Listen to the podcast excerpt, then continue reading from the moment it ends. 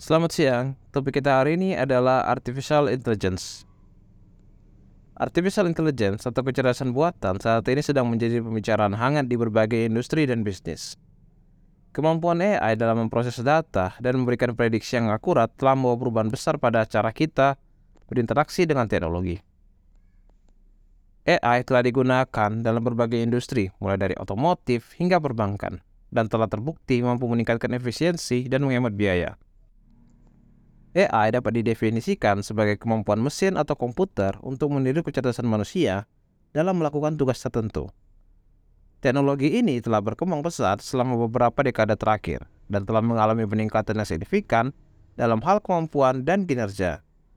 Saat ini, AI dapat digunakan untuk memproses data yang besar dan rumit dengan cepat dan akurat, serta memprediksi hasil berdasarkan data yang ada. Salah satu industri yang paling terpengaruh oleh perkembangan AI adalah industri otomotif. AI telah digunakan dalam pengembangan mobil otonom yang dapat mengemudi sendiri tanpa perlu bantuan manusia.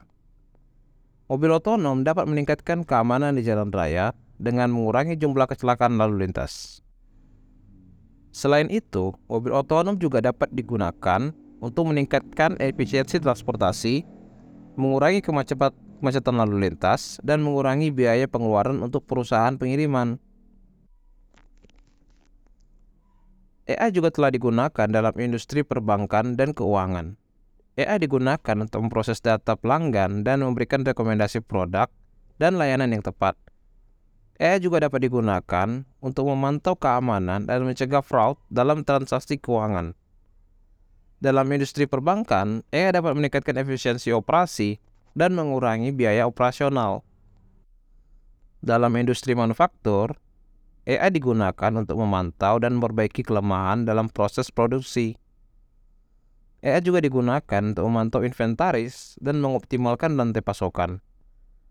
Dalam industri pelayanan kesehatan, AI digunakan untuk memproses data medis dan memberikan diagnosa yang akurat dan cepat. AI juga digunakan dalam riset medis dan pengembangan obat-obatan baru. Namun, seperti teknologi lainnya, penggunaan AI juga memunculkan sejumlah masalah dan tantangan. Salah satu masalah yang paling sering dibahas adalah masalah privasi. AI memproses data pelanggan dan informasi pribadi yang dapat membuka potensi pelanggaran privasi dan keamanan data. Selain itu, penggunaan AI juga dapat meningkatkan ketimpangan sosial dan ekonomi. Beberapa perusahaan mungkin dapat menggunakan teknologi AI untuk meningkatkan keuntungan mereka tanpa memperhatikan konsekuensi sosial dan ekonomi yang lebih besar.